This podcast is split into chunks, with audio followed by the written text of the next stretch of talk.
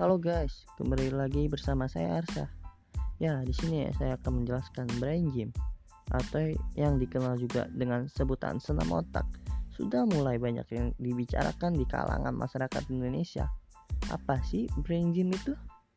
Ya, simak berikut ini. Menurut Erna Marina Kusuma M PSI, brain gym adalah suatu rangkaian gerakan yang disusun sedemikian rupa untuk mengoptimalkan kemampuan otak seseorang. Brain gym di, di brain gym ini dipelopori oleh Paul Tension dengan tujuan untuk mengatasi kesulitan belajar.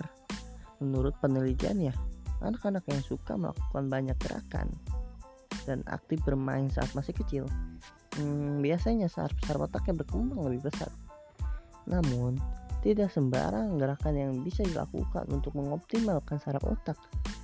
Sehingga Paul Dension membuat rangkaian gerakan khusus yang terpadu untuk menstimulasikan perkembangan saraf otak.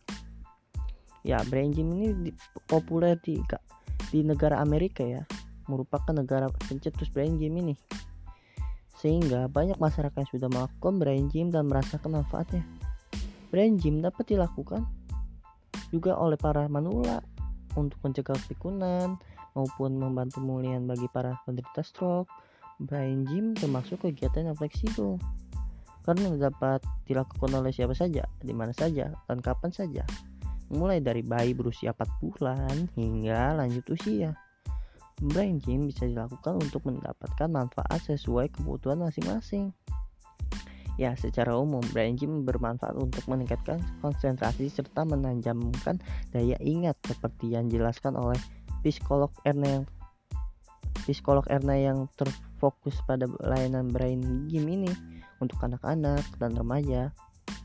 Manfaat brain gym bagi anak-anak di antaranya untuk membantu mereka yang memiliki masalah gangguan belajar, serta dapat menjadi salah satu perantara yang mengintegrasikan seluruh terapi yang telah dilakukan oleh anak-anak kebutuhan khusus. Brain gym memang tidak dapat menyembuhkan suatu penyakit ya.